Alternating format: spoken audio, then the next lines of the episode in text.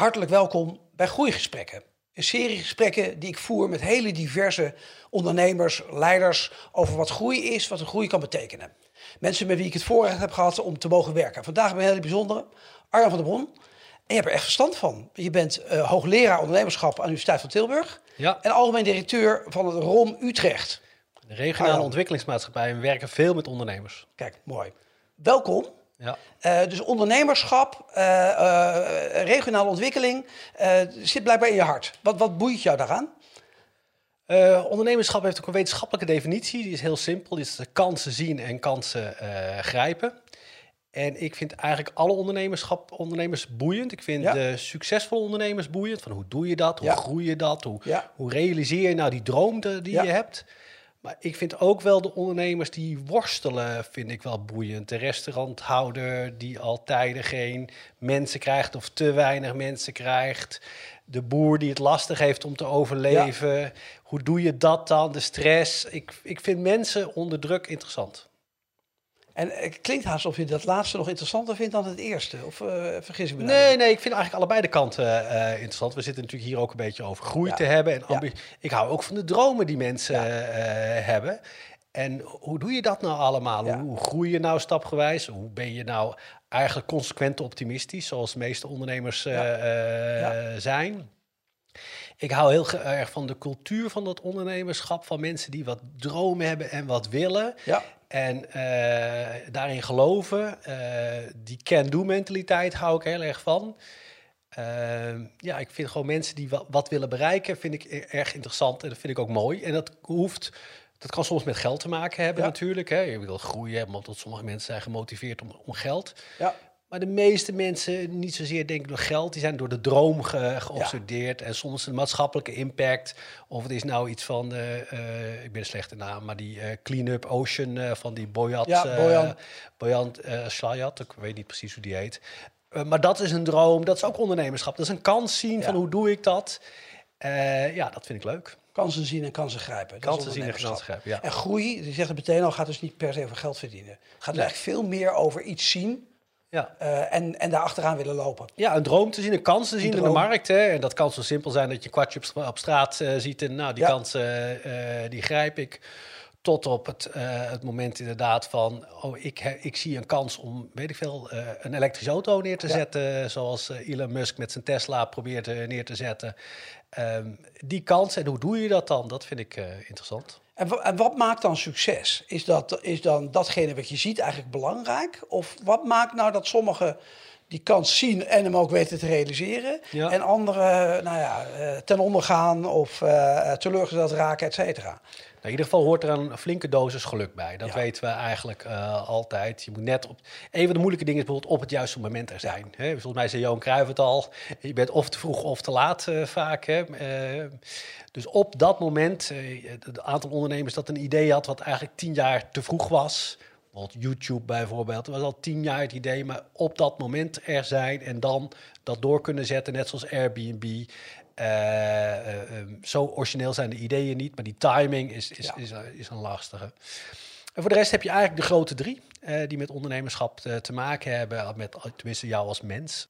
Eh, je netwerk, dus wie Ja. ken je. Eh, wat kun je, zijn je, zijn je, je competenties. En eh, eh, wie ben je is de, is de derde, dus dat is je persoonlijkheid die daar eh, meemaakt.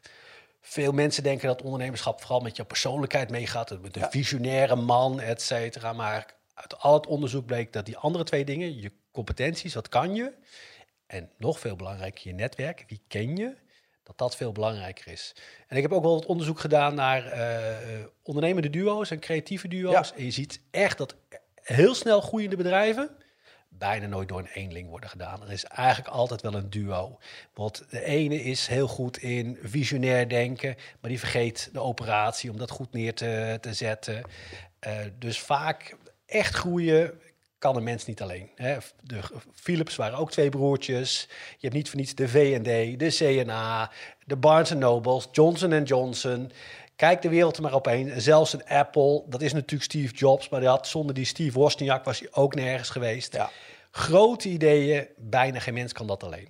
Fascinerend. Wat mooi dat je dat zo vertelt. Want ik denk dat iedereen in een gevoel zien we vaak die één man. Hè? De Elon Musk, Steve Jobs. En maar je zegt eigenlijk, eigenlijk is het de combinatie. Waardoor je elkaar aanvult, versterkt. Ja, ik denk dat iedereen uh, alleen bijvoorbeeld wel een succesvolle ZZP'er kan, uh, kan zijn. Maar als je een echt een hele grote droom wil realiseren, betekent dat je heel veel dingen moet uh, over, overkomen wat je niet alleen kan. Hè? Wel, Steve Jobs had misschien het idee om een coole design neer te zetten.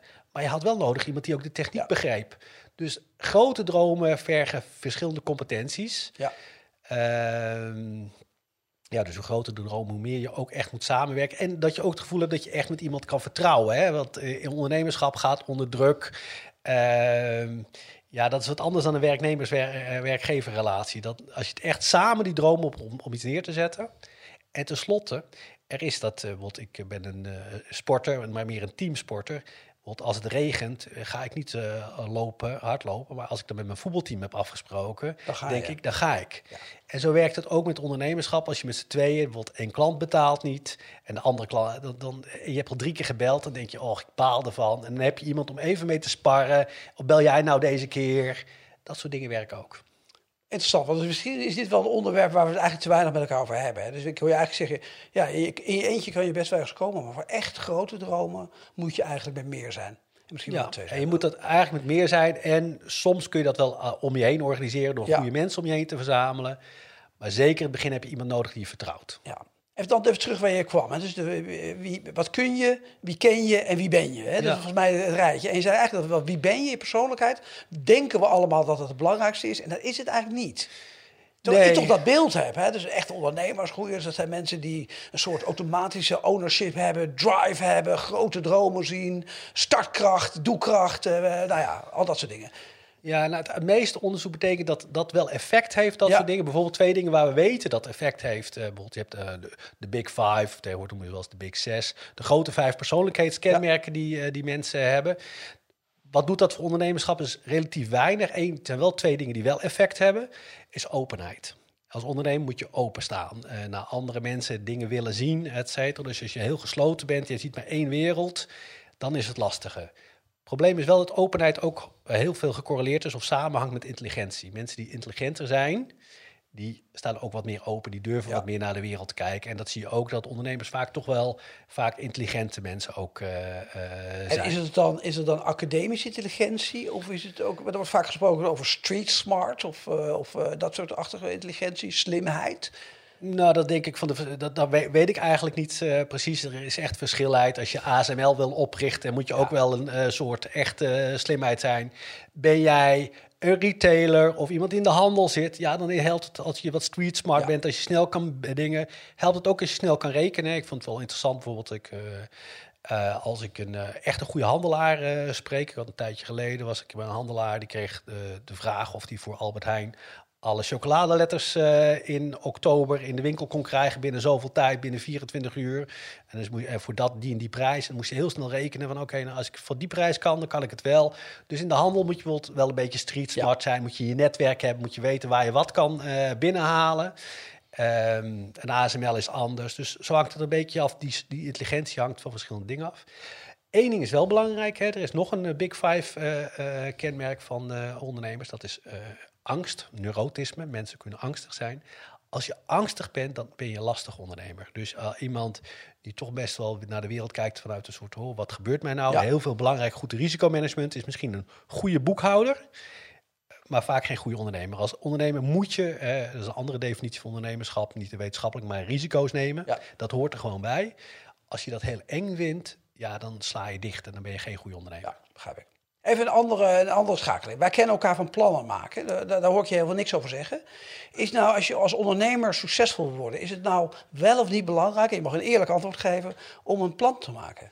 Nou, daar, de, weet ik niet. En de wetenschap verandert daar ook ja. eigenlijk in. Hè? Dus twintig uh, jaar geleden zaten we allemaal in de plannenmakerij, ja. businessplannen uh, uh, maken. Iedereen deed dat ook op een termijn van vijf ja. jaar. Dat was een beetje soort de standaard. Dus we kwamen nog uit de communistische wereld, denk ik, met de vijfjarenplannen van vroeger. Uh, uh, laatste tien jaar wordt er in de wetenschap wel eens gezegd: strategy is dead. Hè?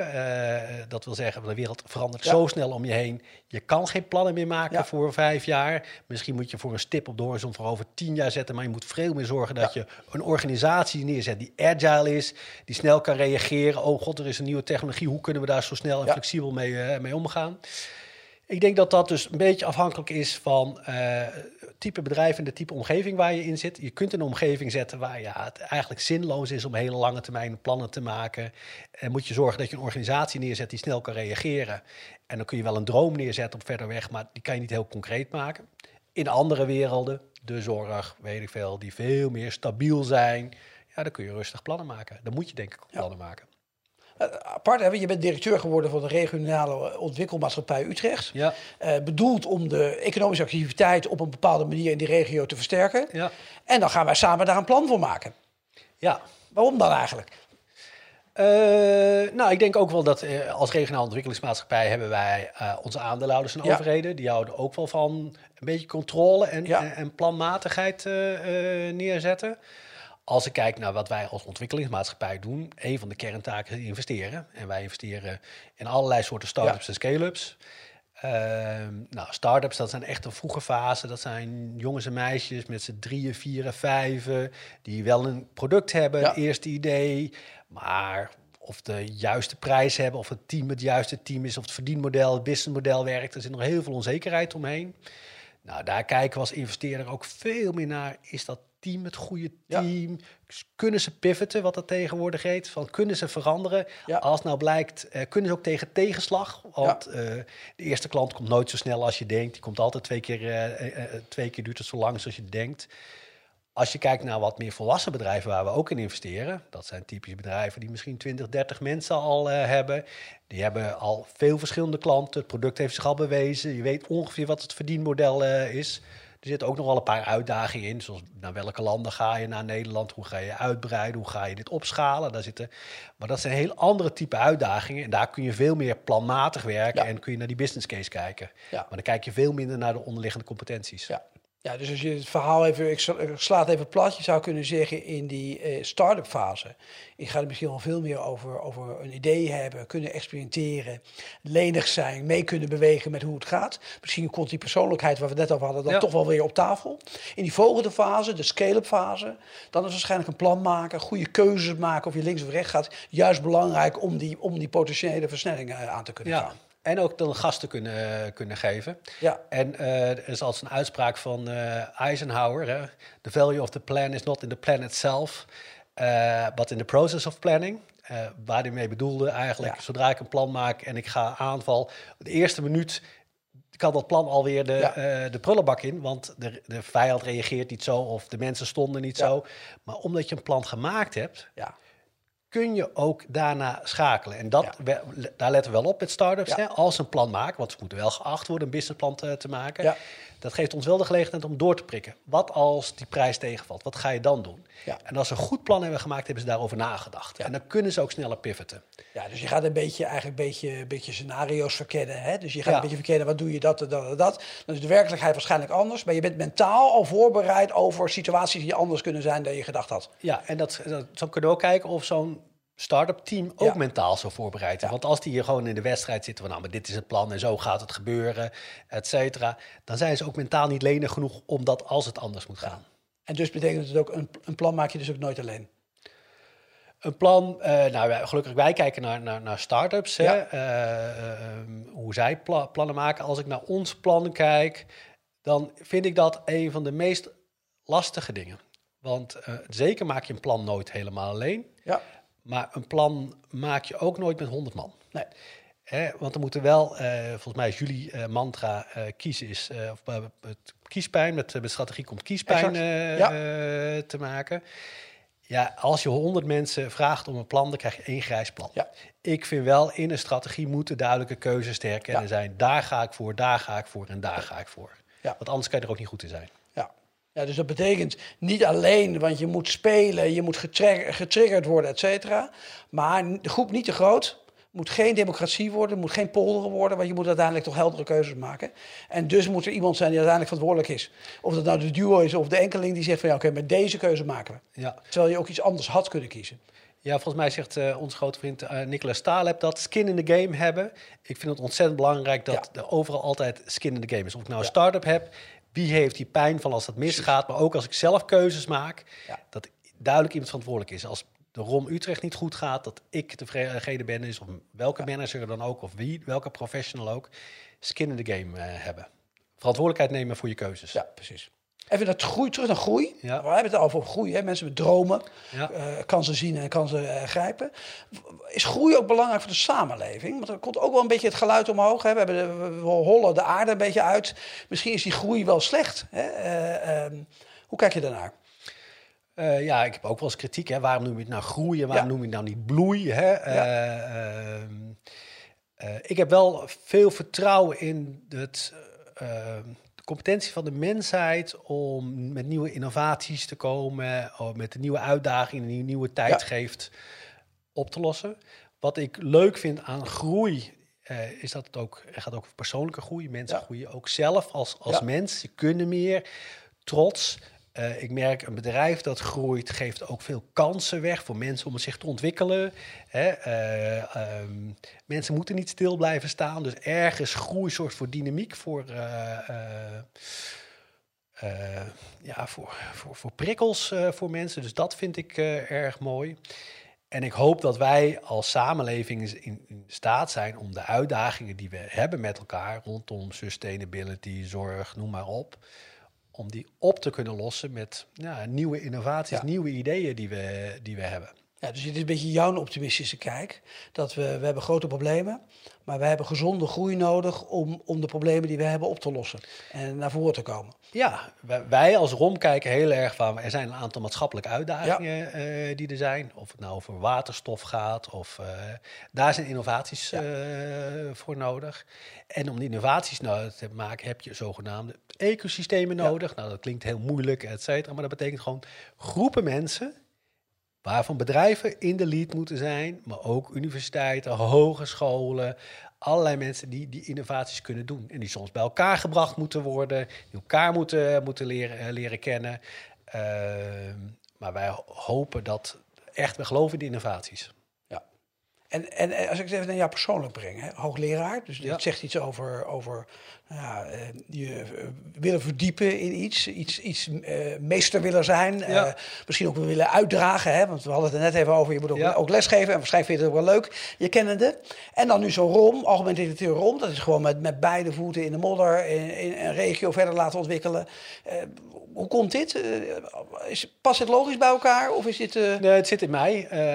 Ik ben een half hoogleraar en een halve eh, doener. Ik, ik kan niet alleen maar vertellen. Ik vind het Ja. heel erg leuk om mee bezig te zijn. Niet alleen om te vertellen. Natuurlijk Ja. is, er zit dat ook in met dat docentschap. Ja. Maar ik vind het juist ook leuk om met ondernemers te praten. Hoe doe je dat, zo'n Ja. soort dingen? Waar, waar zat je droom in? Ik ben echt geïnteresseerd in mensen. Maar ik vind het ook leuk om zelf te doen. Hè? En, eh, en daarmee bezig te zijn. En de vraagstukken, oké, wat is onze strategie? Welke keuzes maken we dan? Hoe groeien we dan? Welke groei zit er dan voor welke mensen eh, dan in? Hoe zet je je organisatie nou ook in?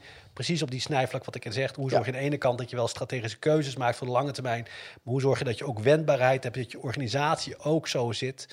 En dat zijn ook twee verschillende dingen. Als strategie is bijna heel erg blauw soms. Hè? Dat is Ja. bijna van hoe doe je dat en hoe groei je. En Het is een bijna een soort inhoudelijk vraagstuk. Terwijl mensen laten groeien en die organisatie neerzetten, is een veel meer nou, sowieso een rode kant. Ja. En gevoel voor, voor mensen neerzetten. Ik vind dat allebei heel interessant. Ja, en die twee dingen, dat hoor je me zeggen, die gaan ook wel heel erg, heel erg samen. En in ieder geval in relatief nog kleinere organisaties die nog, die, die nog enorm moeten gaan groeien, toch? Ja, ook, maar ook daar, hè, ik- ik kan dat ook niet alleen. Dus ik heb Nee. daar ook heel veel verschillende mensen om me heen. Een goed managementteam die, die ik vertrouw. Bijvoorbeeld een van de dingen waar ik wat minder eh, sterk in ben, is gewoon de financiën. Dus ik heb gewoon iemand nodig die gewoon het risicomanagement, eh, de operatie gewoon goed runt. Waar ik op kan vertrouwen dat dat gewoon... eh, en ik ben misschien wat meer een visionair eh, iemand. Of nou, relatief, relatief dat ik meer een grote dromen en grote Ja. strategieën eh, denk. Dus je probeert het al, eigenlijk altijd eh, samen te doen. Er is wel een groot verschil tussen start-ups, MKB-bedrijven en corporates. Daar is groei allemaal iets anders voor. MKB-bedrijf moet dat is, is veel informeler geregeld. Uh, en daarom niet slechter. Hè? Bijvoorbeeld grote organisaties werken veel meer in structuren en plannen. En dat kan dat ook allemaal. Zo moet je ook een grote organisatie sturen. Want dat kun je gewoon qua communicatie niet, niet, niet regelen. Maar dat is wel anders dan de groei voor een MKB-bedrijf. En waar zit je liefde? Je had start-ups, EKB'ers, corporates.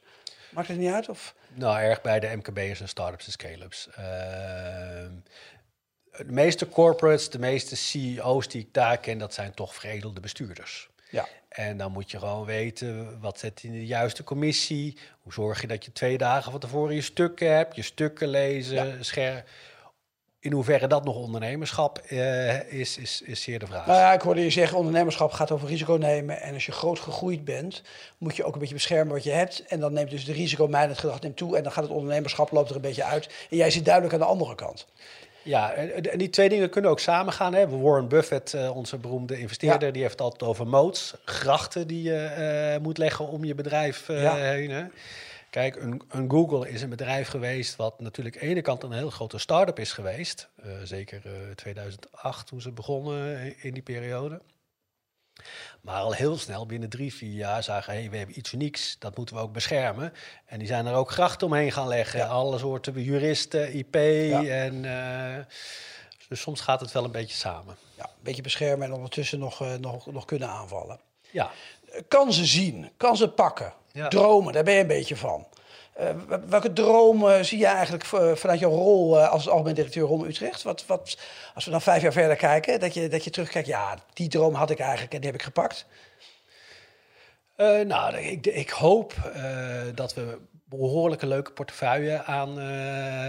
we zijn begonnen, we hebben nu iets van de kleine 20 bedrijven geïnvesteerd. Ik verwacht dat we over een jaar of vier, vijf een mooie portefeuille hebben, al 100 bedrijven. Daar hebben we drie speerpunten eigenlijk in. Een speerpunt zit rondom sustainability, de duurzaamheid. Ja. Uh, tweede speerpunt zit, zit rondom gezondheid. En derde speerpunt zit rondom de media- en gaming-industrie. ik hoop dat we daar zo meteen nou, een totale mooie portefeuille hebben. Met, met ondernemers die we echt hebben kunnen helpen. Ook ondernemers die misschien net dat geld niet hadden gekregen. omdat het misschien net maatschappelijk iets of iets lastiger was qua business case. Ja. Dan, uh, dan de commerciële partijen er niet in zitten. Um, wat ik ook leuk zou vinden, dat Utrecht wat meer een, een, een ja, een, soort ja, gezicht bij heeft. Want het is vaak voor nu voor waar staat dat voor en wat zit er. En er zitten ontzettend veel mooie ondernemers uh, die daar beginnen. Uh, en daar ook groeien en die wat meer naar buiten uh, zetten. Dat zou ik ook mooi vinden. Nou, dan ben ik een beetje tot de laatste vraag, Arjen. Het gaat een beetje over trots. Hè? waar is Utrecht op deze regio trots op? Er zit heel veel, maar, maar wij kennen het niet, et cetera. En dat, en dat koppel ik ook een beetje aan, aan jezelf laten zien.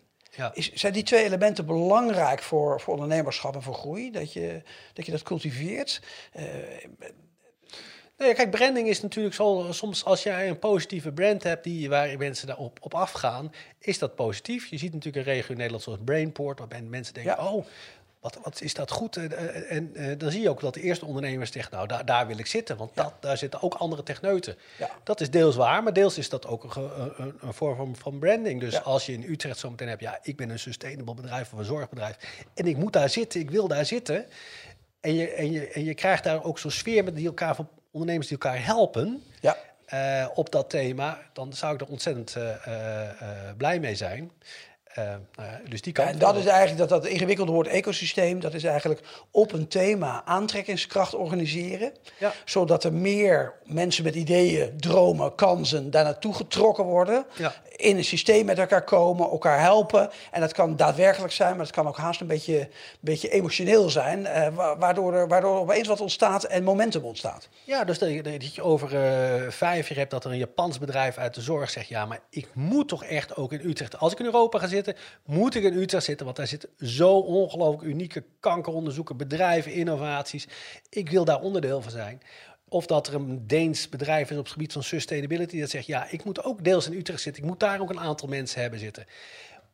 En dat heeft deels omdat er echt inhoud in zit. Er moet ook echt inhoud achter zitten. En dat zit er in Utrecht ook wel, maar dat moet wat meer zichtbaar worden gemaakt soms. Ik vind dit een mooie droom om mee te, mee te eindigen, Arjen. Dankjewel. Voor de kijkers, luisteraars, hoop ik dat je genoten hebt van dit gesprek met Arjen van der Bron. Als je op zoek bent of geïnteresseerd bent in meer gesprekken, kijk naar de site en dan vind je nog meer leuke, goede gesprekken. Tot ziens.